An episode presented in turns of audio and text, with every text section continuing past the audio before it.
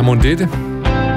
Jeg kan afslå, det er en jingle, og det er en jingle for Radio 4. Du lytter til programmet Dagen i dag, og mit navn er Jens Folmer Jebsen. Og måske hedder du øh, og bor i Helsingør og har blodtype O resus negativ. I så fald så er du i hvert fald heldig i forhold til corona, da man har fundet ud af, at dem, som er O, har O som blodtype, de bliver mindre hårdt ramt end andre blodtyper af coronavirusen. Eller måske så øh, bor du i Esbjerg, hvor dine forældre måske for 43 år, 23 dage siden besluttede, at du skulle hedde Irmelin. Måske du gør det, men i dag kalder du dig bare Irm. Alt er i orden med os. Du skal vide, uanset hvad du hedder, uanset hvor du bor eller du foretager dig, så er du velkommen her i programmet. Velkommen til dagen i dag, program, hvor dagens gæst er vores nyhedsredaktør. Han, hun vælger simpelthen de mest tankevækkende, 10 mest tankevækkende nyheder fra det foregående halve døgn, faktisk fra natten om morgenen her. Og øh, det glæder vi os meget til, men først så skal vi lige høre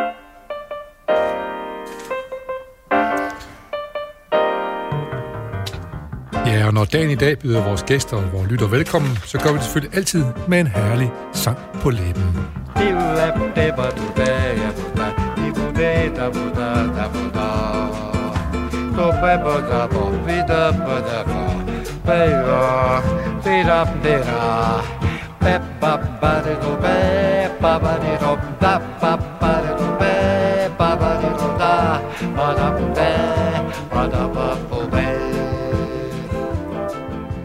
Ja, velkommen til dagen i dag, hvor min gæst er Louise Pedersen fra Jyllandsposten, kulturredaktør på Jyllandsposten siden februar. Siden 1. februar, ja. Siden 1. februar. Ja, så det så føles helt nyt endnu. Det er helt nyt nu, og du har også været med i, at, at, at uh, avisen er flyttet fra Viby, den gamle, kendte, store betonbygning Nemlig. derude, ned på havneområdet nede ved Aarhus ved Jægergårdsgade Ja. ja. Jeg nåede lige at være i Viby i tre uger i, i, i det gule murstens byggeri, parcelhusbyggeriet Så blev derude. Danmark ramt af... Ja, så blev, så blev Danmark ramt af corona ja. og sådan noget, så det har været en lidt omtumlet start, kan man vist roligt sige. Ja, men uh, nu sidder du nede i bygningen igen i, ja, i Aarhus, i jeres nye bygning. Er det godt at, være flyttet, tænker du? Ja, det er det. Det er et fantastisk hus, vi er flyttet ind i. Ja. Altså, jeg mener, alene udsigten, og altså, det er jo noget helt, helt andet end, øh, end lokalerne ude i Viby, som også havde sin egen øh, antikverede charme. Ja. men, øh, men jeg synes, det her øh, meget moderne, luftige byggeri, øh, som samtidig også har noget træ og noget organisk og sådan noget, det er ikke sådan et stålmonster. Ja. Det er meget, meget fedt at arbejde i. Og så må man jo også sige, at den gamle bygning er også belastet af af mange ting, ikke? Altså, jo, jo. Der er sikkert stadigvæk sikkerhedsforanstaltninger, men det var nærmest foredragtigt. Det er nemlig det. Ikke? Altså, sikkerheden er lidt mere usynlig. Øh, den er der stadigvæk til stede, selvfølgelig. Det lever vi med. Men, øh, men, øh, men den, er, den er ikke knap så synlig, som den var ude i Viby. Ja. Men så skal jeg så huske at sige, at det er ikke kun i Viby, øh, Jyllandsposten, det foregår.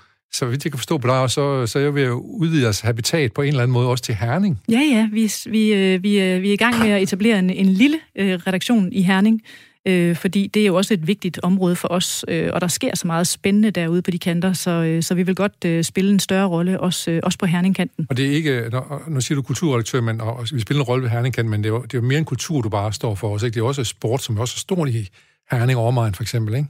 Jo, jeg er også, øh, og det er sådan forholdsvis nyt. Øh, faktisk så er det først noget, vi, vi sådan for alvor kommer til at arbejde med øh, i mandag i uge 44, og, og lave en ny redaktionsboble på Jyllandsposten, som består af, af kultur og sport, og så det emne, som vi kalder vores liv, der vi sådan for alvor kommer tæt på danskernes øh, tilværelse. Som deres hverdagstilværelse, hvad man skal ja. sige, eller hvad den måde, man bor på og indretter sig på, hvad man ja, spiser. vi, vi taler meget om det der med græns, eller det forskellen, der er på at se på, på danskeren som borger, den der stemmer til valg, og så som menneske, den der træffer personlige valg for sit liv, hvor man bliver skilt, hvor mange børn man vil have, øh, hvilket flyselskab man vælger at rejse med. Så hvad man forbruger også, det er ja, også en del altså af det. Ja, individuelle, menneskelige valg, det er det, vi vil prøve at sætte fokus ja. på. Men, men uh, Jyllandsposten skal vel dække hele Danmark, eller hvad? Vi skal dække, vi er, jeg tror, eller det er vi, vi er den eneste landsdækkende avis. avis ja. Det er godt. Jeg, for jeg husker, da jeg var barn, der fik vi Jyllandsposten ind i døren hver morgen. Men det var det nærmest, kun lige den nærmeste omegn, det skete i, ja. at der var nogen, der fik det. Og selvom vi hedder Jyllandsposten, ja, ja. så er vi lige så meget Sjællandsposten og Fynsposten ja, og Bornholmsposten. Og, og alt muligt andet. Og I var også, havde også stort, øh, stort, hvad hedder det, øh, indtog i København på et tidspunkt, ja. og, ikke, og gjorde bemærket derovre. Ja. Men det var før din tid. Også, vi, ja, og vi er jo også, øh, jeg skulle også lige sige, det er jo ikke kun dansk, det er jo også internationalt. Det er jo også vigtigt. Det er også vigtigt at sige det. Ja, det er klart. Det, ja. det, det må man sige. Det er ja. en af de aviser, som også beskæftiger sig med internationalt. Ja. Men, men det var før din tid, at man lavede det store fremstød i København. Ja. Så hvad er det, du lige har lavet tidligere? Du, du er simpelthen en medieperson.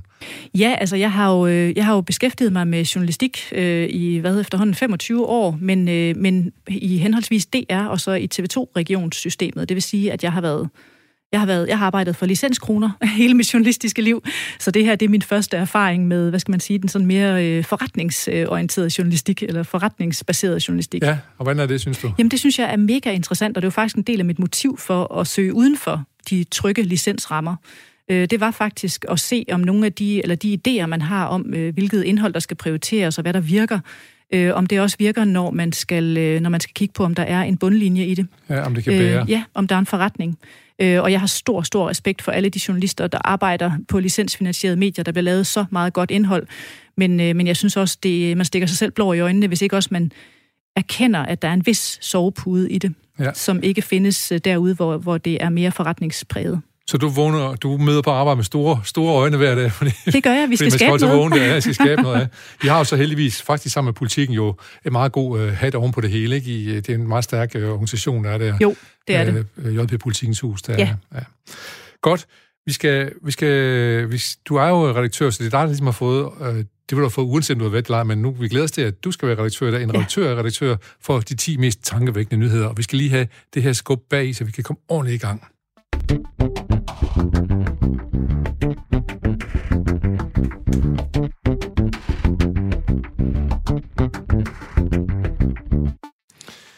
Ja, det er Louise Pedersen, som er dagens gæst, Jyllandspostens kulturredaktør. Og øh, på 10. pladsen, der har du valgt en nyhed, som handler om mad. Ja, det har jeg. Og om at konkurrere på mad. Konkurrere på mad, ja. ja. Det er den her øh, nyhed om, at, øh, at de gør klar til Bocuse d'Or, ja. hvor Ronny Væksø Mortensen, den danske kok, er med. Ja. Øh, og grunden til, at den nyhed øh, sådan springer jo ind på mig, det er måske også, fordi jeg selv er sådan en lille smule, øh, hvad skal man sige, bagstræberisk i forhold til sådan noget gourmet-mad. Øh, øh, jeg, øh, du ved, jeg, alle taler om Michelin-restauranter og 12 serveringer og sådan noget, og, og jeg har simpelthen så svært ved at få mig selv til at, øh, at prioritere at betale 4-5.000 kroner for det, man kan kalde et måltid. Øhm, så, øhm, og jeg forstår godt, at jeg har stor respekt for den kæmpe indsats, der ligger bag at nå det her niveau på madlavning. Men, øh, men for mig øh, der er det simpelthen så svært at prioritere det, og at sige til sig selv, at man vil bruge 4-5.000 kroner på et måltid på en øh, Michelin-restaurant, øh, fordi jeg altid som vestjyde vil komme til at tænke på, hvad jeg ellers kunne have fået for de få, penge. Ja, ja. Så, så hvordan går du ud og spiser?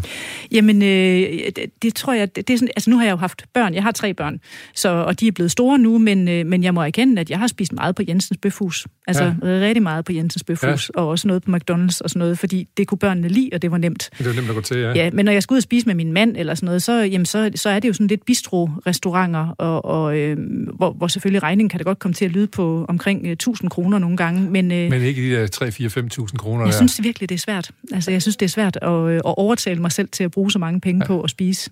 Nu har vi jo en, en god, god erfaring hen det seneste år med Kuste over med danske kokke, der har, der har deltaget. For eksempel mm. Ken Toft Hansen, som er oppe på Svinkløv Hotel nu, som jo fik en Kuste over. Altså, han vandt simpelthen en guld, en guld på Kuste, tror jeg, det hedder, et eller andet. Øh, og så er der nogen spørger selv i øvrigt, fordi jeg har lige fået at vide nu, så nu siger jeg det. Øh, det er, at, øh, at Kenneth er bror til de to håndboldspillere, Toft Hansen, og til søsteren Toft Hansen, som også er kommet på håndboldlandshold nu her. Så han har valgt den anden vej, end de andre har. Men han har altså vundet det, og så har Rasmus Kofod i København også vundet det. Hvad tænker du om det der med at konkurrere i mad? Nu konkurrerer de andre brødre i håndbold, men han konkurrerer så i mad. Jamen altså, jeg synes, at der er jo stort set ikke grænser for, hvad man egentlig kan konkurrere i. Øh, og, øh, og jeg synes at det er fantastisk, at vi har nogle kokke i Danmark, sådan en lille nation, som vi trods alt er, der kan komme med helt derop øh, på gastronomiens absolute tinde øh, og være med til at konkurrere om, øh, om de her priser. Men som sagt, så øh, ja, jeg, jeg, jeg, øh, jeg har svært ved at identificere mig med det der med, at mad skal være så... Altså, det der med, at man knap nok kan genkende den mad, man spiser, synes jeg nogle gange kan være sådan en lille smule øh, svært. Men jeg har, som sagt, jeg har respekt for folk, der nørder i det hele taget.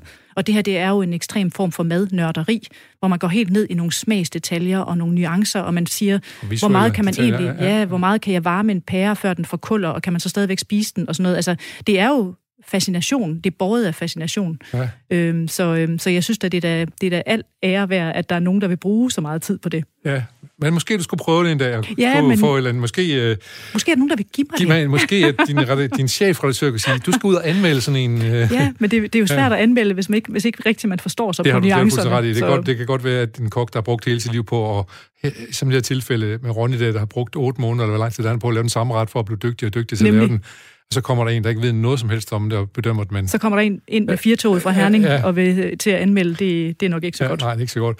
Men vi må sige, at det med mad og Michelin-stjerner er noget, der er kommet hen for de sidste 15 år i Danmark, fordi det var, det var næsten umuligt at få en Michelin-stjerne i Danmark tidligere. Ja. Det var heller ikke noget, vi snakkede om, gik så meget op i. Men det er som om, at det er noget, vi har fået penge nok til at gå op i den slags ting også.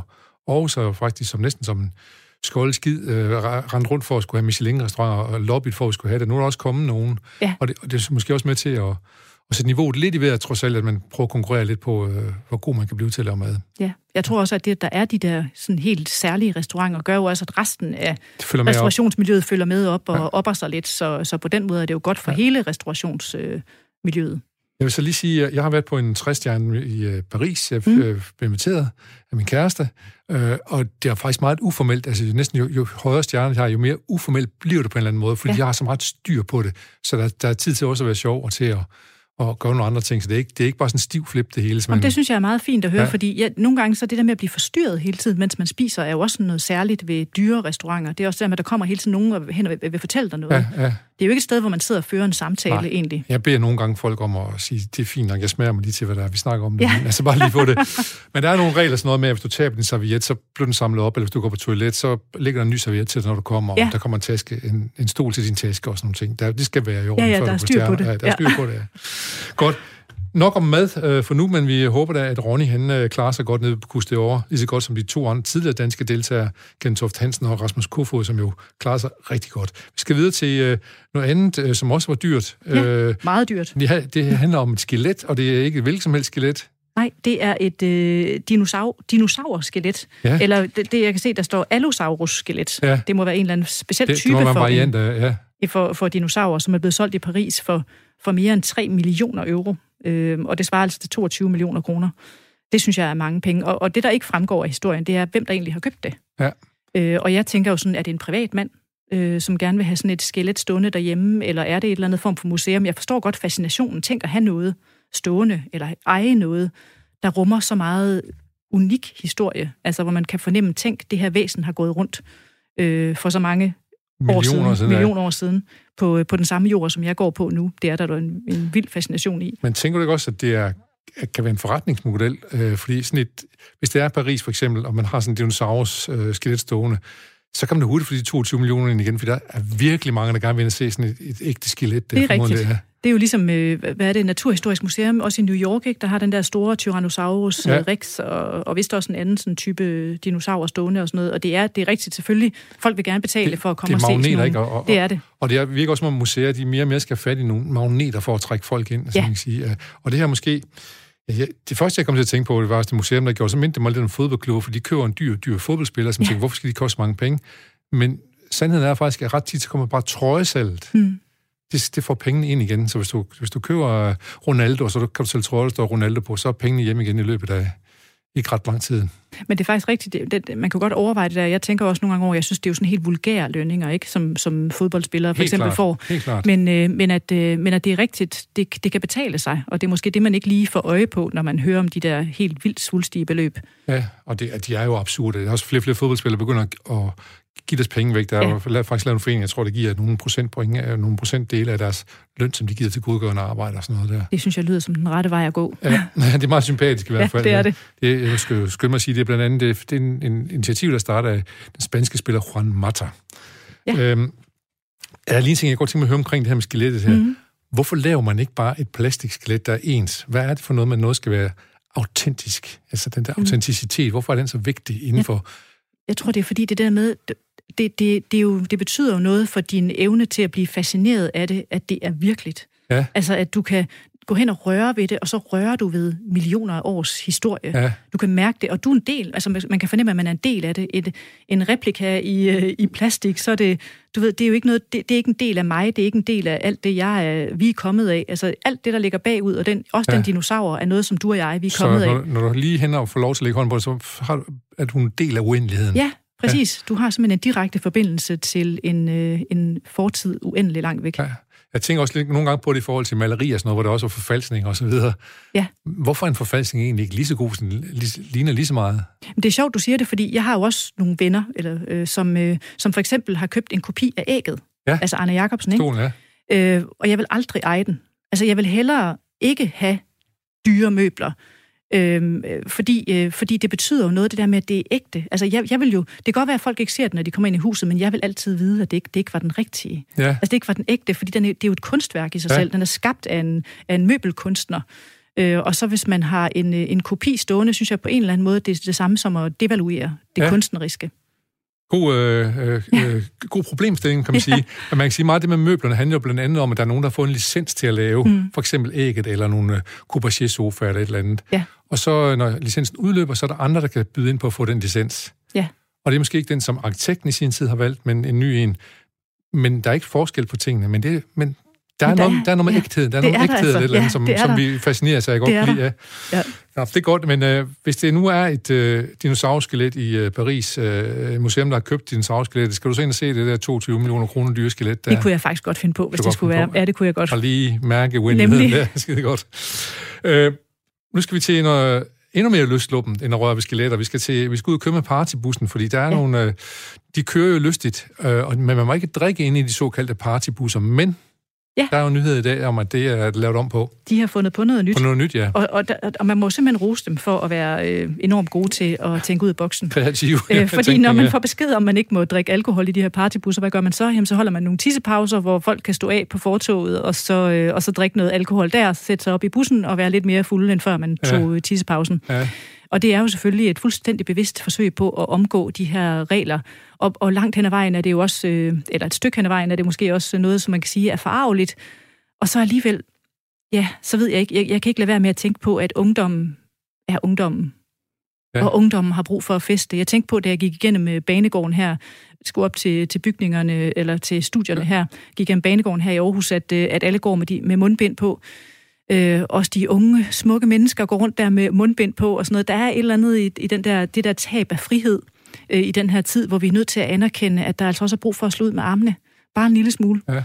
Øh, og jeg ved godt, det her det er selvfølgelig nogle pengemænd, der også gerne vil tjene nogle penge og sådan noget, og, det, det, og, og, og man skal selvfølgelig heller ikke omgå de regler, der er. Øh, men, øh, men på en eller anden måde point for, for initiativet og lysten til at feste. Ja, øh, og vi kan jo godt tale om, at det gør vi tit i det her program, at det jo ikke bare er det forsømte forår, som Hans Jerfi skrev om, de unge har, når de skulle se studentereksamen. Mm. Det er faktisk et helt forsømt år, de er i gang med, med mange af de unge der. Og det er jo klart nok, at og når man er ung, så er man måske også skabt til lidt at, at slå lidt ud med, øh, ja. gøre lidt en form for oprør, eller i hvert fald undersøge tingene. Man skal jo forsøge at bryde ja. gennem rammerne, altså ja. det ligger ligesom i definitionen af ungdom. Jeg tror, det var Niels Havsgaard, der sagde, at en gang fortalte om, en, øh, at Storbæltsbroen var lukket, og så var der en bil, der blev stoppet ude på Storbæltsbroen, mens der var lukket, fordi det blæste for meget og så videre. Så som blev stoppet, og så var så fem unge mennesker, der skulle forsøge, om de kom over, så siger han, ja, men unge er nærmest ansat til at skulle gøre den slags ting, ikke? jo, men det er jo det. Det er det. Jeg synes altså, hvis, hvis vi holder op med at forvente af vores unge mennesker, at de udfordrer de regler, vi udstikker for dem, så... Øh, så, så bliver det et meget statisk samfund, det, det gør vi, det får, altså. ja. ja. Men øh, jeg havde, vi, havde en, øh, vi havde Jonas Liebekendt i går, en øh, ungdomsforsker, som siger, at, at faktisk at de, de unge generationer, som gymnasiegenerationer, de er faktisk nogle af de mest ansvarlige, der findes. Mm. De, de får meget øh, dyler for, at de holder fest og sådan noget, men de er utrolig ansvarlige, også i forhold til corona. Ja. Det er dem, der er mest bange for at smitte andre. Mens vi andre ældre, vi er bange for selv at blive smittet. Mm de er bange for, at de smitter andre. Ja. Så Plus det... at jeg også bare tænker på, hvordan jeg selv var, da jeg var ung, i forhold til sådan noget med for eksempel at pjekke fra gymnasiet og sådan noget, ikke? Altså sådan, og, øh, og feste torsdag, fredag, lørdag og sådan noget, hvor jeg synes, at mange unge i dag altså, er meget mere regelrette og enormt bange for, om de får for meget fravær i gymnasierne og sådan noget, klart, ikke? Ja. Og om karaktererne nu også er i orden og sådan noget. Så, så jeg synes også, at vi skal, vi skal give lidt alburum til vores ungdom. Ja, det, der må godt være lidt, øh, der må godt være lidt gang i, gang det, i butikken. Det må, der, altså, det må ja, der altså ja, godt. Ja. Men altså, der er mange godt at sige om uh, ungdom nu her. De har også, uh, det, der er mindre kriminalitet, og der er alt muligt andet. Der er mange gode uh, ting også, der ja. peger. Så men, uh, hvis de kunne slå lidt, uh, slå lidt på buler i hatten, så gjorde det heller ikke noget. Men det tror jeg nu nok, de skal ind med at få gjort. Det synes jeg, kan se på det med selv. Min egen datter for eksempel, og hendes venner og sådan noget der. Ja, ja, det, det skal ja, de også have lov ja. til. Så skal vi uh, snakke om sådan nogle, der er ældre, uh, hvor vi selv bliver også forhåbentlig på et tidspunkt. Ja. Uh, det her, dem, som skal passe os, hvis vi kommer på plejehjem, altså socioassistenterne, der er ved at ske et lille skred i, hvem det egentlig er, der er socioassistenter, når vi kigger på, hvem der bliver uddannet. Ja, det er faktisk vores, øh, eller min egen avis, der har den ja, historie om, ja. at, øh, at 30 øh, procent af eleverne på landets sociouddannelser i dag er indvandrere eller efterkommere efter, efter indvandrere. Øhm, og øhm, og det, er, det er jo en, en stigning i forhold til, at det i dag blandt de uddannede kun er 11 procent, der udgør øh, den her gruppe. Så, øhm, og, øhm, og det kan man jo på en eller anden måde mene om, hvad man vil. Altså, jeg synes jo, det er, jeg synes, det er en god nyhed. Øh, jeg synes, at øh, jeg synes, det er, øh, når der er som, altså det er jo, det er jo åbenbart et problem at få danske unge til at synes, at det er spændende at arbejde med det her område, og arbejde med at passe ældre, enten på sygehuse eller på plejehjem. Jeg synes, det er fantastisk, at, at der er nogen, der har lyst til det og ser det som et erhvervligt erhverv, som de har lyst til at beskæftige sig med. Plus også, at man kan se, at det må også implicerer, at, at, at flere og flere indvandrere, efterkommende indvandrere, kan se det som mulighed for en god uddannelse. Mm, nemlig fordi, det er jo også det, altså det er jo en god uddannelse. Altså det, det, det er jo en, en super fin uddannelse, som på en eller anden måde ufortjent har fået et dårligt ry herhjemme. Og det handler selvfølgelig også om, hver gang vi hører nogle historier om, at der foregår noget skidt på et plejehjem et eller andet sted, ikke, så bidrager det til, at, øh, at uddannelsen i sig selv og, og arbejdet får et, øh, et renommé, som det jo ikke har fortjent sådan i den brede forstand. Øhm, og øhm, og det, det, det bidrager nok også til, at der ikke er så mange, der synes, at det er spændende at søge ind. Men, øh, men, øh, men jeg tænker, at, øh, at det her det, det er en god nyhed, at der er nogen, der vil. Er det en del? Er det, er det noget for din avis, i det, det, det nye, du skal have omkring, hvordan vi er som mennesker osv., at, at det faktisk er, at det er godt, øh, en god uddannelse at tage, at det kan være, være en prestige at tage den også? Det kunne det, det sagtens være. være. Altså det der med, ja, netop, det, fordi det handler jo netop også om, hvilket valg jeg træffer for ja, mig selv, ja. øh, i forhold til, hvad jeg for eksempel vælger af uddannelse. Netop. Øh, ja. Så det kunne sagtens være interessant ja. at, at efterforske. Øhm, der er jo allerede nu er der rigtig mange øh, øh, indvandrere i, øh, i, i hjemmeplejen, men, mm. men der er selvfølgelig ikke så mange af dem, der er uddannet. 11 procent, siger du, øh, ja. der er tidligt tal. Nu, nu kommer man så op på 30 procent, og det, og det med at blive uddannet, det gør formodentlig også en forskel. Ja. Øh, så det er ikke noget, man bare går for, at man lige skal tjene nogle penge, så man kan få opholdstilladelse. Hvad ved jeg, et eller andet. Lige præcis. Det ja. er jo fordi, man synes, at det her øh, område er spændende at beskæftige sig med. Ja.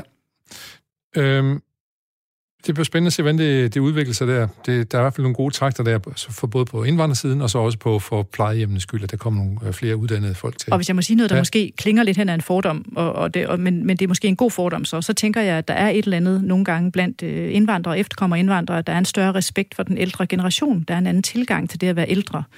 Øh, min mor var indlagt på sygehuset her for noget tid siden, hvor, hvor også en del af de social- og sundhedsassistenter og også sygeplejersker, der var på, på afdelingen, også havde anden etnisk baggrund end dansk. Og jeg synes bare, at jeg ikke oplevede andet end enorm respekt og, og professionalisme, dygtighed og sødme fra, fra, fra dem. Så, øhm, så jeg synes, at, øh, at måske er der et eller andet med, at, øh, at de, er lidt mere, øh, de har lidt mere respekt for de ældre. ældre ja.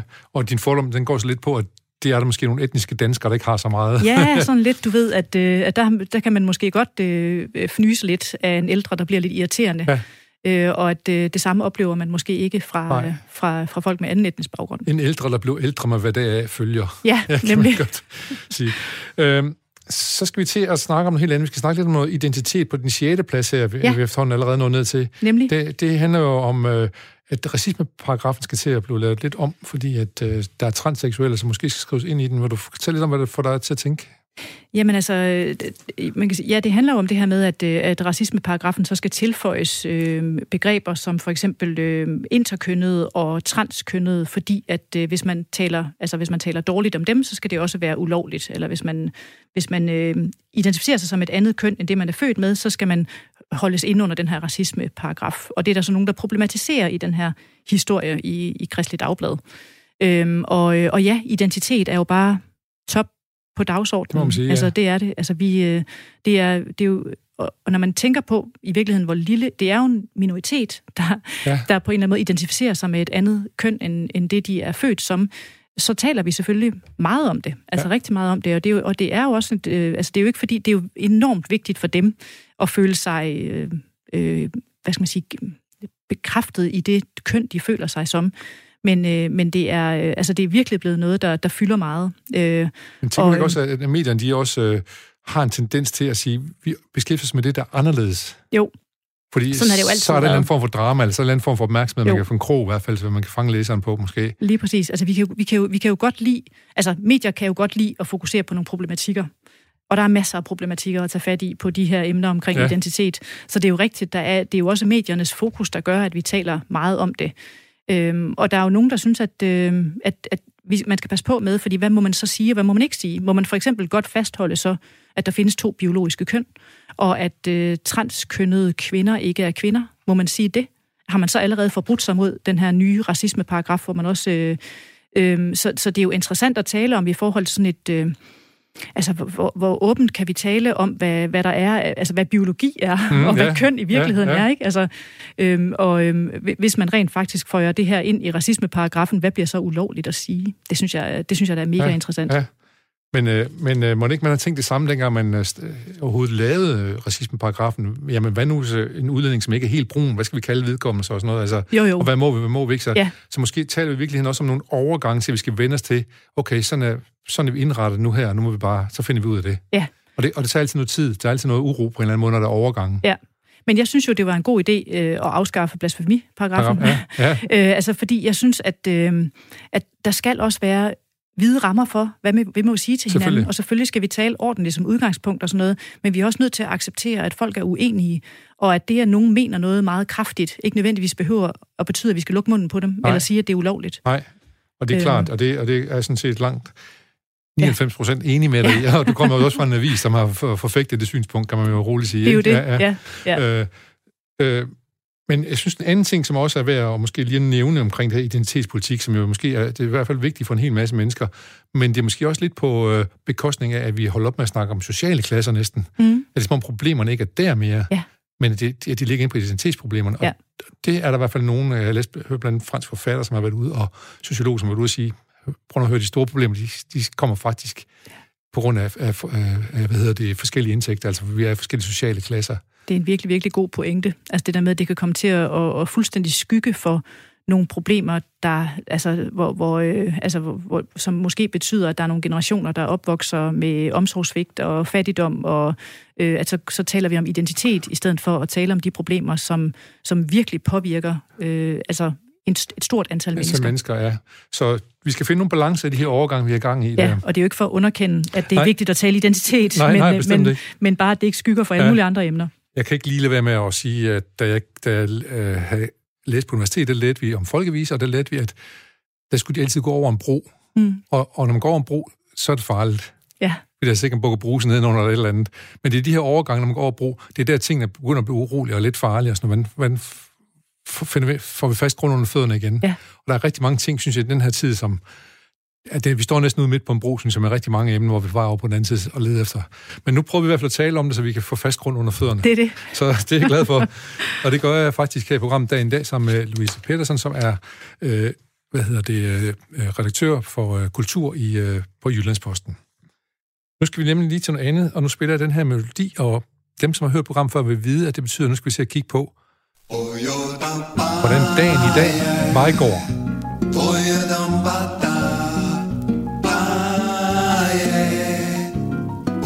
Dombata Upoya paesa Bande porora baya Ja, velkommen her den 15. oktober til dagen i dag, som den var i går. Vi skal lige prøve at kigge på, hvad der skete tidligere på i, i vores historiske tid. Uh, man kan sige, at uh, i 1965 på den her dato, der sender Danmarks Radio for første gang nyhedsudsendelsen TV-avisen. Det, det kan jeg, jeg kan godt huske dem, det kan du nok ikke. Nej, det, Nej. det kan jeg ikke.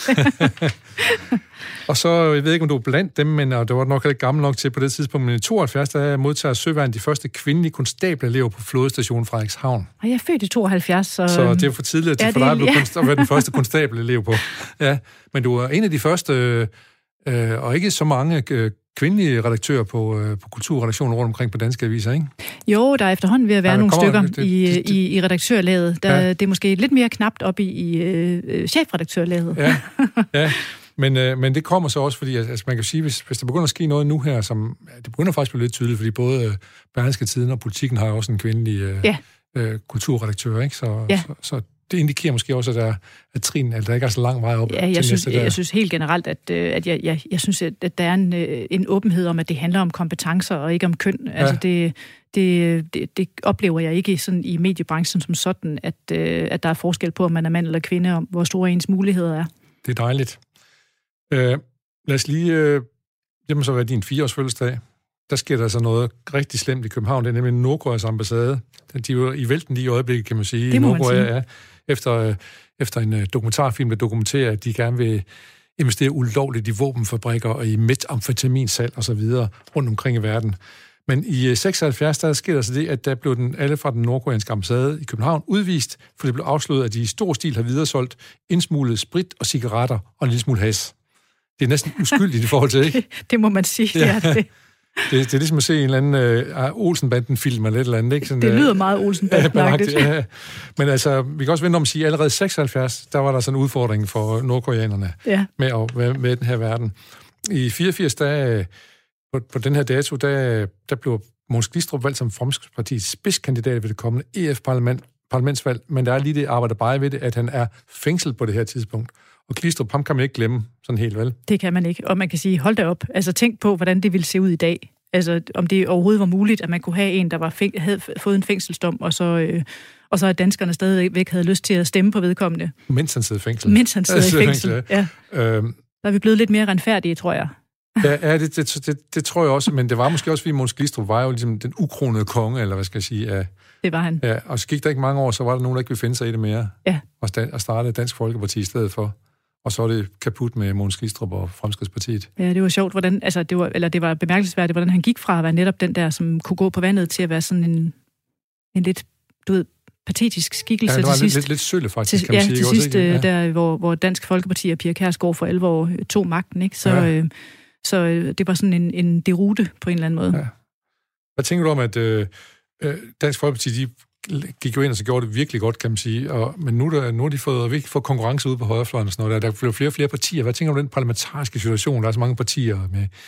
Der er også, hvad hedder det... Øh, øh, vegetarpartiet, eller veganerpartiet, og, ja. og så videre, og så videre, og Alternativet og Paludans parti og sådan noget. Jamen, jeg synes jo, det er et udtryk for det der med, at vi vil repræsenteres af vores egne helt nicheagtige holdninger. Altså, så du ved, lidt identitetspolitik? Ja, der er også noget identitetspolitik i det der med, at hvis jeg er veganer, så er det ikke bare noget, der, der beslutter, hvordan jeg spiser, men det er alt, hvad jeg tænker, der handler om, øh, at jeg er veganer. Ja. Det er også den måde, jeg tænker politik på, det er også den måde, jeg tænker etik på. Det, det hele handler om, at jeg er veganer, det er udgangspunktet. Og det er lidt det samme som det der med, hvis jeg er hvis jeg gerne vil have noget, nogle restriktioner i forhold til indvandrere og flygtninge, jamen så er det det, jeg stemmer ud fra. Ja. Så er det det ene nicheområde, jeg stemmer ud fra. Ja. Altså hvor, hvor de brede partier, kan man sige, de spiller jo på et... Øh, altså der, der, de har bare et andet klaviatur at spille på. Ja. Og, og de kan, der kan man rumme... Der kan man godt være i det parti, selvom man måske ikke mener helt det samme på alle områder. Ja. Vi kommer til at tale om et af de partier lidt senere, og så ja, se, hvor mange, der kan, hvor mange der kan blive i det parti. Der. Så, og så skal vi også lige uh, huske at sige, at, uh, at i dag der er kronprinsesse Mary jo nok ekstraordinært glad sammen med kronprins Frederik, fordi de kan fejre fødselsdag. Deres ældste søn, Christian, han blev født i 2005, så han er blevet 15 år i dag. Ja, og jeg så godt de nye billeder, de havde lagt ud i dag. Det er jo simpelthen en fin prins, det må man sige. Ja, det har de gjort godt. Han ligner Mary rigtig meget. Ja, og det gør ikke noget, kan man sige. Men selvom Frederik er jo også øh, en okay øh, gut at se på. Ja. Øh, men det, der så så to kommende konger på et billede, hvis de var fotograferet sammen med forældrene der. Ja, ja, ja og øh, altså, det, er jo, altså, det, det går jo rent ind i familien øh, Danmark, når kongehuset lægger nye billeder ja. ud. Det kan man jo også bare se, og inde på deres Instagram-profil, de er jo også blevet så så øh, fortrolige med sociale medier, ja, ja, ja. de ved godt, hvordan de skal kommunikere med danskerne også der. Og alle er inde og like og sige, nej, hvor er han dejlig og sådan noget. Jamen altså, det, danskerne elsker deres kongehus, det må man bare sige. Ja, og hvad, hvad med dig? Jamen altså, øh, uh, yeah, jeg er måske sådan lidt mere republikansk sindet, men det må du ikke sige til min mor. Nej, det skal jeg nok lade være med. men, øh, og, men, øh, men det skal du have lov til at være. Ja. Men der, jeg synes, de fleste gæster, har stillet det spørgsmål, de siger, Ja, det er okay, så længe det er sympatisk kongehus, vi har. Ja. Og så længe at vi ikke rigtig helt ved, hvad alternativet er. Ja, ja, og så længe de ikke sådan for alvor bestemmer noget, hvis man må være så fri. Det er nemlig det. Ja. Øh, og så, øh, så er prins Joachim, nu vi er ved kongehuset, han øh, i 94 på den her dag, så åbner han jo Østtunnelen under Storebælt. Altså sket meget med, at Danmark er blevet mindre og mindre land, og på ja. måde blevet, blevet mere med sammen. Og man kan sige, at prins Joachim, han er formodentlig den bedst betalte danske embedsmand, offentlig ansatte embedsmand. Ja. Han får 3,4 millioner skattefri kroner i løn om året. Blandt andet sikkert for at skal stå nede ved Østtunnelen med Storebælt og så klippe en snor over der. Men det er jo lidt ligesom du sagde med fodboldspillerne før. Spørgsmålet er selvfølgelig... Kan det betale sig, ja? Ja, altså det der med, hvordan går regnestykket op, øh, at, øh, at det der med at have et kongehus øh, i forhold til, hvordan vi er som turistnation og sådan noget. Og jeg har aldrig rigtig set regnestykket, så vidt jeg er orienteret, men mange siger jo, at det er en god forretning ja. for Danmark. Ja. Så, øh, men øh, jeg har lige bidt mærke i det lidt, fordi at, øh, at her ved sidste finanslovsforhandlinger, der, der fik de lige et nyk op af alle sammen, inklusive prinsesse Benedikte og ja, Grav Ingolf og så videre. Der, der kom lige et eller andet der, som gjorde, de fik lidt ekstra der. Så det er fint nok. Uh, vi plejer også lige at nævne nogle uh, fødselsdage. Uh, 15. oktober, Thomas Helmi. Han er nok færdig med at stå og banke derude. Han er nok kommet ind. Anders Lund Madsen også uh, fødselsdag. Uh, tillykke med det. Og uh, Fergie, nu vi er ved kongehuset, mm-hmm. uh, hende hedder Sarah Margaret Ferguson, som var i sin tid var gift med uh, prins Andrew. Ja. Føler du lidt med den her sag med prins Andrew der? Ikke rigtig, Jamen, det er jo noget forfærdeligt noget. noget. Det er det ja, det er det altså. Det han, er jo pinligt, må man sige. Han, han var venner med uh, Ghislaine Maxwell, ja. som igen var arbejdet for For Epstein. Epstein, ja, ja, som jo tog sit eget liv, efter han blev beskyldt for at... Ja. Eller gjorde han? Eller gjorde han, ja. Det er så det store spørgsmål her, ja. øh, øh, ja. Der var lidt for mange unge piger, der var involveret i øh, noget, noget, ja. noget der, som ikke var så godt. Øh. Han, han, er, han har forvandlet sig lidt til det, til det sorte får i kongehuset i Storbritannien, må man sige. Ja, det må man sige. Det, ja. det kan godt være, at den yngste prinserne, han øh, også er lidt ud til en side, men ja. øh, Andrew, han er jo nærmest... det, er ikke, det, er ikke, det er ikke skide godt, denne det, gang. Det, det er det altså ikke, nej. Øh, så er der en af mine gamle helte, Claus Jespersen, mand, der var øh, som født til at være cirkusmand. Han var blandt gift med, eller ja, han var gift med, tror jeg faktisk, med Bennevejs, Diana Bennevejs. Ja. Blev skilt, og så øh, han kunne ikke slippe cirkus, så han startede sit eget cirkus, Dania, ja. som ikke gik ret godt. Han har fødselsdag i dag, men han, desværre så døde han også på den her dag i 94, så han blev ikke så gammel, 48 år gammel. Øhm, Richard Carpenter, amerikansk sanger fra The Carpenters, mm-hmm. som var bror til Karen Carpenter, som døde lidt noget, nogle år tidligere af, hvad hedder det, anoreksi faktisk øh, faktisk før man sådan lige helt kendte noget til det. Så har Paul Borum fødselsdag i dag. Mm. Han døde i 96. Punk, Danmarks ældste punker. Og så skal vi også huske at sige, en som mange måske ikke kender, men som fald spiller en rolle i mit liv, Barry Maguire, en amerikansk protestsanger. Ja. Han lavede en sang, der hedder Eve of Destruction, som blev oversat til dansk øh, som Cæsar-sang, ja. øh, og hedder øh, Jorden i flammer. Jorden i flammer, Eve of Destruction. Destruction, mm-hmm. ja. Og på den anden side af den uh, singleplade, som jeg havde med Cæsar, der var der Storkespringvand, som lidt flere folk kender. Ja. Ali Balli, Ali Balli Ja. så, men uh, de har i hvert fald fødselsdag, der siger vi tillykke til, og så skal vi sige, at det desværre i dag var mange digtere, som forlod på denne dag. Per Højholdt, han døde i 2004. Dan Torell døde i 93. Uh, øh, ja, fik sådan set savnet dem begge to, kan man sige. Ja. Og så skal vi også sige, at i 64, der døde den store amerikanske komponist Cole Porter. Mm-hmm. Sådan. Nu skal vi tilbage til de nyheder, Louise ja, Petersen. det er jo det. Ja. Og det får vi hjælp af vores lille groove.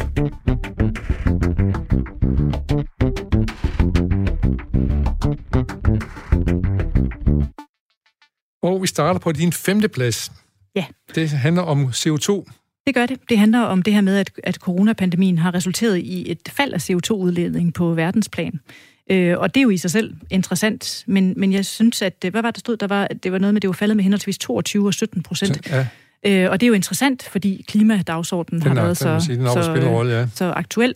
Men, øh, men jeg synes også, det er interessant, fordi det, er, det, der får mig til at tænke, det er, er det noget, der holder? Altså, ændre vores vaner. Altså, jeg har det selv sådan, at, øh, at jeg har ikke super meget lyst til at tage en flyvetur til Australien, eller Thailand, eller Vietnam. Øh, og det havde jeg måske før coronapandemien. Bestemt, øh, ja at, øh, at, at på en eller anden måde, så finder vi måske en anden ro i en tilværelse, der indeholder knap så mange muligheder. Ja. Jeg skal sige, at forskere har fundet, at CO2-udledninger fra transport er faldet med 40 procent. Ja. Første halvdel af 2020. Og energiproduktion og industri, som du sagde, øh, ja. 22-17 procent. Men så i Sverige juli, så er niveauet kommet op igen til, til de gamle højder, ja. fordi vi er, har åbent samfund igen. Så, og, det, øh, og det er jo egentlig lidt synd, kan man sige, hvis, hvis der ikke er en lektie. altså, ja. altså, jeg synes jo, det, det er faktisk interessant, hvis der er en lektie. Det er der også mange øh, kunstnere og forfattere, der har været ude og sige det der med, at vi skal Forskere. se på... Ja, vi skal, vi, vi, skal, vi, skal, vi er nødt til at ændre vores syn på livet. Også det der med, at at det ikke handler om målet, men rejsen derhen. Ja. Altså være lidt mere procesfixeret, ja, klart. i stedet for at tænke på, nu skal vi til Thailand, eller nu ja. skal vi til New York, og øh, måske leve et lidt mere jordbundet liv, som øh, vores bedste forældre gjorde det. Vi havde Kathleen Richardson, som er havbiolog og forsker, og som sidder i Klimarådet, som var inde og sige, at hvis vi, kan, hvis vi kan omstille så meget på grund af en corona-ting, kan vi måske også godt omstille os en lille smule i forhold til at ændre vores forhold til øh, forbrug osv., så, så vi kan få nedsat CO2-forbruget øh, ja. lidt. Ja, Så, og vi husker jo alle sammen også billederne fra øh, Venedig og alle mulige andre øh, steder, Taj Mahal og sådan Pludselig kunne man se noget. Lige nøjagtigt. Ja. Altså, det er jo ret eventyrligt, ikke? At, ja. øh, at, at det skal der, eller det er, jo, det er jo voldsomt faktisk, at det er det, der skal til, før vi på en eller anden måde indser, hvad det er for en påvirkning, vi har på vores, øh, på vores omgivelser. Ja, for søren da. Jeg tænker faktisk, da, mens der corona var på sit højeste, der kunne jeg gå på Silkeborgvej på vej hen til min træning. Yes om morgenen, det kan jeg ikke mere. Nu kan jeg stå, og så kan jeg faktisk stå og sige, en bil, en person, mm. en bil, en person. Og de kommer bare i lindstrøm ja. ud vestfra og kører ind til byen, ikke? Det er rigtigt. Jeg sparede jo været et kvarter 20 minutter på min pendletur til Aarhus øh, under, øh, under corona. Ja, ja. altså mens det stod værst til, ikke? Altså fordi, at, øh, at der var bare, der var, der var ingen, ingen på, på vejen. På vejen, nej. nej. Nå, lad os håbe, vi kan finde balance i det også. Ja. Igen er det en bro, vi er på vej over nu her, for at finde en eller anden ny øh, form for dagligdag. Lige måske. Ja. balance. Balance, og ja. Øh, Vaccine er det næste kodeord. Ja. Det handler om, at øh, vi er alle sammen blevet opfordret til måske at tage en influenza-vaccine, fordi at hvis man får corona og influenza oven hinanden, så er det måske en dødelig cocktail. Ja, og nu har man så fundet ud af, at der ikke er nok. Nu er der ikke nok vacciner, nej. Nej, og det synes jeg jo, at altså, jeg, synes, jeg synes på mange måder, det er en skandale, fordi, øh, fordi der, jeg tror, der er mange, der har lavet sig vaccinere øh, for influ- eller mod influenza nu, som, øh, som vil ønske, at de ikke havde gjort det, fordi der måske ikke er nok til dem, der reelt for alvor har brug for det, nemlig de ældre og sårbare. Så fejl, hvor er den hen? Er det, vi ikke har nok, eller man melder så bestandt ud og siger, gå nu hen og få en... Ja, altså jeg tænker, hvorfor melder man ud, før man ved, om man har nok? Ja. Altså, det undrer mig virkelig. Altså, det synes jeg er sådan helt basalt, at man begynder først at kommunikere noget, når man ved, at man kan, man kan leve op til det behov, der måtte være, den efterspørgsel, der måtte være.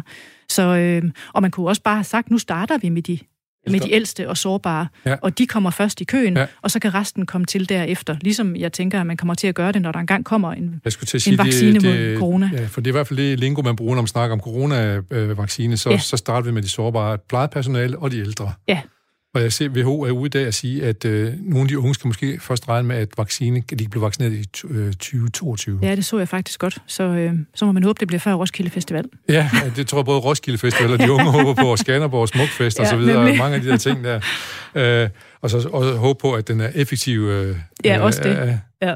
Jeg har i hvert fald også lige læst omkring nogle af de der quick, quick test, man kan tage med, om man er smittet med corona. Ja. De er ikke helt sikre, så... Uh, Nej, Nej, der er en ret stor fejlmargin. Der, der er faktisk på, en ja. lidt, lidt skræmmende fejlmargin, så hvis man rækker, ja. bruger det som sikkerhedsventil, så er det i hvert fald ikke uh, godt nok, skal man så vide. Nej. Øhm, du hører ikke til dem, som ikke vil vaccineres, hvis der kommer en vaccine. Det kan jeg love dig for. Jeg tager mod alle vacciner, som folk de tilbyder mig, hvis jeg kan undgå at blive syg. Så jeg, ja. jeg har trods alt så meget, det, jeg har så meget tiltro til lægevidenskaben, at det, det Men tager kræver dog, at det er lægevidenskaben, som siger, at det her er i orden, nu tager du den bare. Det gør det. Jeg vil gerne have en vaccine, der er efterprøvet, trods ja, alt. Ja, ja. jeg er ikke ligesom Trump, eller hvem det nu er, eller Putin, der tager det første og det bedste. Ja, det, så, må, øhm, det må man sige. Ja. Øh, vi, vi er meget spændt på at se øh, den der øh, meget omtalte russiske vaccine, der kom jo meget på et meget, meget tidligt tidspunkt. Ja. Jeg havde en gæst, der mente, at øh, man må nok lige se, om der begynder at gro lem ud af ryggen på folk og andre steder, før man begynder selv at tage den. Jeg kan godt lide, at det går igennem de faser, som sådan nogle ting nu skal. Skal gå igennem. Ja. Og så har vi også øh, Kamala Harris, den amerikanske vicepræsidentkandidat, øh, har jeg også vil ud at sige, at hun til hver tid tager en vaccine. Ikke fordi Trump siger det, men hvis lægerne siger, at den er god ja. nok. Ja. Og det er nok meget fornuftigt. Det er det, det samme holdning, du lidt har også, det kan man sige. Så, så hvis jeg står her og siger til dig, tag den bare, så vil du være skeptisk. Det vil jeg. Så vil ja. jeg være lidt skeptisk. Ja. Jeg skal nok være det også, øh, når den kommer, den vaccine. Det er nok ingen tvivl om. Øhm, og så er det så, at vi bare skal håbe på, apropos vores CO2-ting, at vi også har lært noget af, hvordan det var, mens ja. der var krise, når vi engang kommer over den her. Lige nøjagtigt. Ja. Det vil være godt, hvis vi husker det. Ja. Så skal vi en tur til Frankrig. Ja, det er jo fordi, at nu, øh, nu indfører, øh, eller Macron har holdt tale om, at nu indføres der udgangsforbud i flere øh, franske storbyer. Øh, og jeg kan også se, jeg læste mig også til, at nu kommer der også restriktioner i London, hvor man for eksempel ikke må omgås nogen fra andre husstande. Altså du må ikke gå ind i en, anden, en andens husstand. Øh, og, og det er jo et forsøg på stadigvæk at holde nogle butikker og restauranter og barer og sådan noget åbne, og så indføre nogle restriktioner ja. andre steder. Ja. Og så vidt jeg husker i Frankrig, så er det noget med, at de så, restauranter og barer skal lukke på et bestemt tidspunkt. Det er, det er, det er om natten, man, øh, man lukker ned. Ja, mellem ja. 21 og ja. 06 ja. eller sådan noget. Og, og jeg synes bare, det er en, en skræmmende påmindelse om, at, øh, at corona overhovedet ikke er væk. Ja. Øh, altså, at der, vi var på en eller anden måde blevet kommet ned i sådan et leje, hvor vi tænkte, nu går det nok den rigtige vej, men, men det gør det ligesom ikke. Det starter bare forfra. Og der har vi, der har vi en eller anden uskyld, som gør, at vi tænker, nå, ja. fint, det ser godt ud nu. Ja, ja og, og på et tidspunkt var der også flere, der sagde, der kommer ikke nogen anden bølge. Men øh, det gjorde der jo. Ja, det må man øh, sige ja til. Det, ja. Og det er jo ikke bare herhjemme, det er, det er alle steder. Ja, det er der. Og jeg tror, englænderne ser har, har ret store problemer, fordi de har virkelig lavet en dans for at prøve at holde gang i øh, butikkerne, men ja. samtidig også prøve at holde en form for restriktioner, men det er bare kikset fuldstændig totalt. Ja. Jeg tror, at læ- lægerne har vel ude at sige, at der er flere, som også gået tilbage nu, som ekspertråd og sådan noget, som tror tilbage blandt andet, fordi de siger, at vi skulle have lukket to mm. uger nu her. Bum, så er alting set meget bedre ud. Ja. Og det er som om, man vil, man vil ikke gå igennem den der ting. Nej. Jeg talte med en ven fra Argentina, som fortalte mig, at der har været, der har været meget corona i Buenos Aires, og ikke så meget ude på landet, mens der har været restriktioner. Men folk er så fattige der, de er nødt til at tage ud og arbejde ude på landet og så videre. Ja. Så regeringen har nødt til, selvom vi stadigvæk er restriktioner, så er nødt til at se igennem fingre med, at folk tager ud og arbejder, for de skal jo tjene nogle penge. Ja. Og så er det bare eksploderet ud på, på landet også i uh, Argentina. Ja. Jamen, det er, altså det er, vi, vi, det er en møgsygdom. Det er det, det er en møgsygdom, og vi, vi kommer ikke til at se det sidste af det, tror jeg, før den der vaccine så rent faktisk øh, foreligger. Og, det, og, det, så. Og, og så må vi så håbe på, at der er lidt mere styr over, hvordan de uddeler den, end de har med influenza-vaccinen i Danmark. Ja, ja, ja det må man, man må håbe på, at de har mere styr på det. på det Men uh, lad, os, lad os håbe og tro lidt på det. Ja. Er, du, er du Frankrigs uh, glad, eller, eller hvad?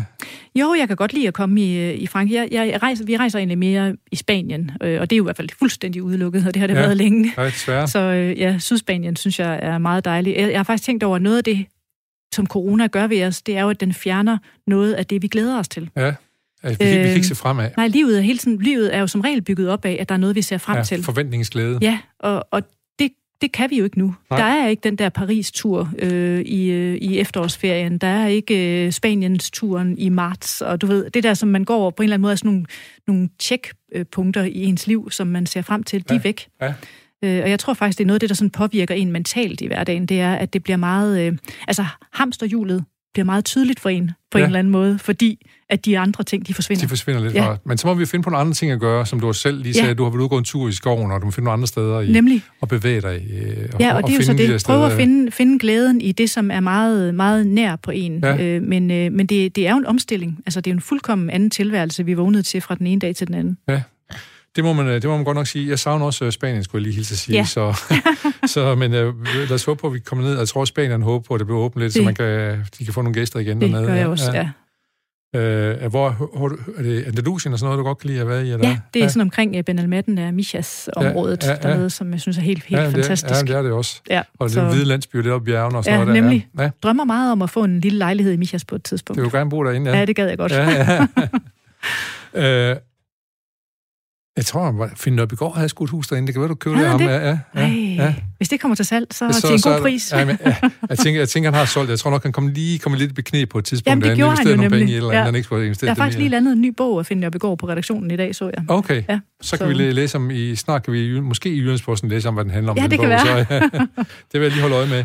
Nu skal vi videre, Louise Pedersen, ja. til... Øh, du har faktisk lavet to i en her til sidst. Det har jeg lidt, fordi jeg synes, at det fortjener det. Fordi ja. øh, hele den her øh, misære, var jeg lige ved at sige, ballade i det radikale venstre, det, det, det, øh, og jeg vil ved med, at der er sket noget, mens vi har været i studiet her, og man ikke har kunne tjekke ja, nyhedsdagsordenen. Jeg, jeg kunne lige se på vej ind det høje øre, Jens Rode har været ude at sige, at hvis man overhovedet påtænker at lave repressalier mod Ida Augen, ja, så vil han også... Så var han også smut. Ja, han sagde, hun skulle ikke komme til at stå alene på perronen, og Nej. det synes jeg egentlig var, var meget, det var egentlig meget fint ja. udtrykt. Øh, men det er jo det er så svært at finde ud af, hvad der er op og ned i den sag. Altså, ja. hvem taler sandt, og hvem lyver, ja. fordi nogen lyver jo. Ja. Der er jo nogen, der ikke siger, siger sandheden. De kan ikke alle sammen, øh, de kan ikke, de kan ikke alle sammen have ret. Nej, og lad os så begynde. Det her, de her nyheder, de starter med, Ida Augen anklager. Ja. Ida Augen, som jo er tidligere SF'er, ja. og som går i det radikale venstre, og faktisk er helt store stemmesluger Ja. Jeg tror, hun fik 22.000 stemmer i København, hvor hun stillede op dagen. Så det er jo... Ja, jeg tror, for hun fik flere stemmer end Morten Østergaard. Det tror jeg bestemt, hun ja. gjorde, ja. Han også som stillede op her i Aarhus. Ja. Så, ja. Øh, I dag hun anklager så den nye leder, Sofie Carsten Nielsen, for at dække over Morten Østergaard. Ja, fordi hun mener, at hun har fortalt hende om, om en episode ved, ved folkemødet, ved, var det folkemødet i 2017? 17, tror jeg, var, ja. ja som, øh, hvor hun siger, at, at det har hun fortalt til Sofie Carsten Nielsen, og Sofie Carsten Nielsen siger, at det har hun aldrig fået ved. Nej. Og, og, og hvad er op og ned i det her? Det, det er det, der er svært at finde ud af, eller hvad? Det er jo det, der er svært at finde ja. ud af, det er, øh, og, altså, hvem taler sandt? Fordi hvis hun siger, at hun har sagt det til Sofie Karsten Nielsen, og i øvrigt så siger hun jo så, altså øh, Ida Augen siger, at hun har, og det, der er en sekretariatsleder, der bekræfter, at han ja. har fået det at vide. Ja. Og det, der så undrer mig, det er, jamen, er han så ikke gået videre med det? Ja. Altså, kan det, kan det virkelig passe, at man i et parti giver sådan en vigtig viden videre til en sekretariatsleder, som så ikke så går videre med, med det til, til partiformanden og til, øh, og til næstformanden? Næstformanden, ja. Det, øh, men det men, siger jo Ida Augen, hun selv har gjort det så. Ja, det siger hun, hun selv ja. har gjort, og, og det siger Sofie Carsten Nielsen så, det at det, her ikke, det passer Nej. ikke. Øh, og det er jo umuligt. Altså, og det man kan sige om hele den her proces, det er, at de radikale har jo været ekstremt åbne. De har faktisk lagt, øh, lagt det hele frem. Ja. Altså alt det beskidte vasketøj ja. på mange måder blevet hængt til tørre. Øh, ikke? Jeg må sige, at jeg havde Morten Østergaard i studiet her sammen. Han stod i samme sted, hvor du står ja. lige nu. Øh, og der spurgte jeg ham om ikke, man som politiker engang man skulle erkende fejl. Mm. Jo, siger han, der er nogle gange, der man bare lægger sig fladt ned og erkende, at man har lavet fejl. Ja. Og da jeg så spurgte om, hvilke fejl det så var, det var så omkring øh, offentlighedsloven. Men nu er der så nogle nye fejl, så helt tydeligvis der kommer. Men man må også sige, at han lagde sig ja. faktisk også fladt ned der og gjorde, hvad en... Hvad en ja, men han skulle hvad, måske lige have gjort det lidt før. Han skulle have gjort det lidt før, ja. Ja, det var måske det, der var... Øh... Altså, det er håndteringen af sagen, kan man sige. Ja, og så, du ved, der er jo også et eller andet i det der med, at der er mange, der nyder at se, når det går galt i det radikale venstre, fordi det jo er et... Øh, altså, de, de kan jo godt virke, fremstå en lille smule moraliserende en gang imellem ja, i forhold der, til mange ting. Ja, kan sige, dem der har været på den høje hest, de falder også lidt tungere. Ja, altså, sådan tror jeg i hvert fald, der er mange danskere, der sidder med den fornemmelse af, at, øh, at man finder en vis øh, glæde i at se, at, øh, at øh, de nu lige pludselig begynder at, at kæmpe og slås øh, indbyrdes. Ja. Alle dem, der hele tiden siger alle de rigtige ting. Øh, og det er måske også en del af det, at det bliver så offentligt, som det gør i det her tilfælde. Men, men jeg tror ikke, de radikale kommer ikke til at stå alene med de her problemer, det tvivler jeg meget på. Der er nok nogle andre partier også lige pludselig, hvor der dukker nogle, nogle ting ud af klædeskabet. Der, der ja. var jo Frank Jensen, der på øh, borgmesteren i København, overborgmesteren i København, der til en julefrokost havde slikket nogle af sine ansatte i ørerne og sådan noget der. Ja. Jamen, der har jo været mange sager gennem årene. Ja, og, og ja, Jeppe Kofod for eksempel. Ja, ja. Øh, så, men hvad, hvad, hvad kan vi lære af det, at øh, hvis du er chef, øh, så lad være at drikke med dine øh, ansatte og gå tidligt hjem. Er det ikke det, der er ligesom er lektien, eller hvad? Jo, eller bare opføre dig ordentligt. jo, jo, ja, ja. fordi det skulle jo nødt være sådan, at man som, øh, som mand eller kvinde tænker, at bare fordi, eller, eller har det sådan, at bare fordi man er fuld, så begynder man lige pludselig at græmse rundt på ja, folk. Nej, og det skal man øh, selvfølgelig et lade være med. Ja. Men jeg tænker også, at jeg kan huske fra min tid øh, som, som chef, at, at men også gik hjem af hensyn til medarbejderne, fordi de, de drak og har lyst til måske at sige noget til en chef. Nemlig, de skulle bare have lov til at sladre. Ja, de skal lov til at gøre uden chefen er der. Lige præcis. Ja, for jeg skal komme til at sige nogle dumme ting til chefen også, ja. som de fortryder dagen efter, ikke også? Ikke? Men der er også noget, jeg har tænkt på i hele den her debat, i hvert fald som fået mig til at tænke på, det er, at jeg kan jo mærke, at mange mænd reagerer meget voldsomt, ja. og, og føler, at de skal forsvare sig.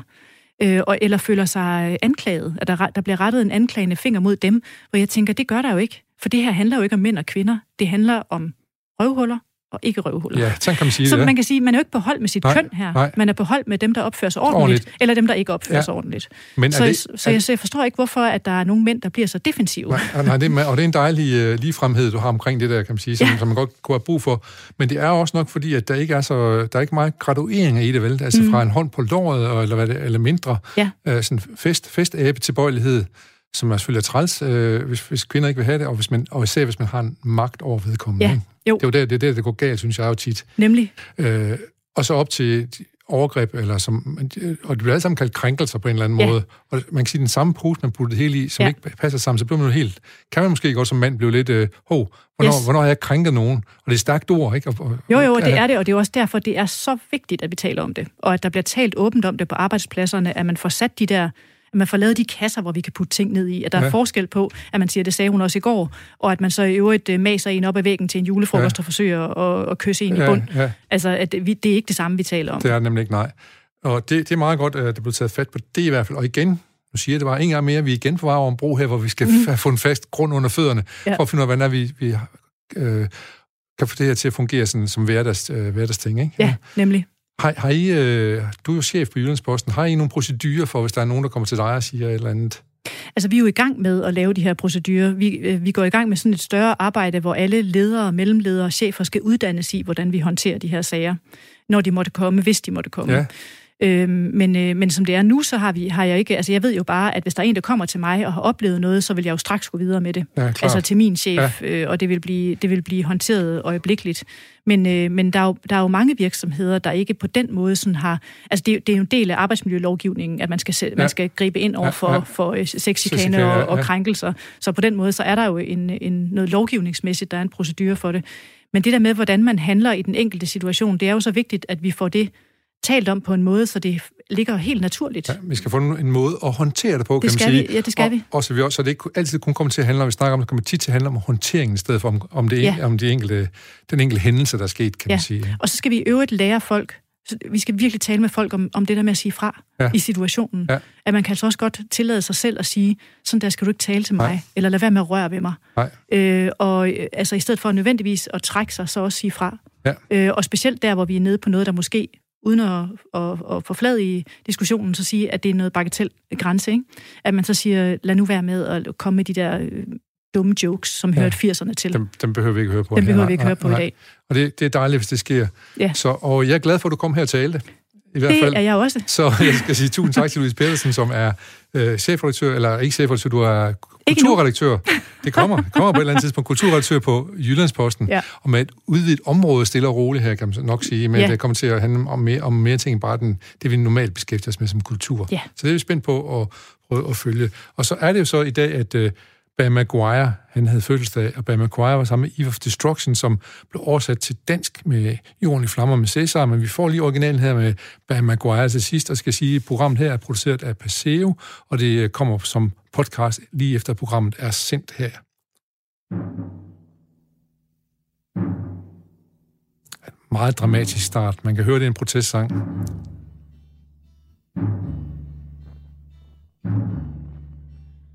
the Eastern world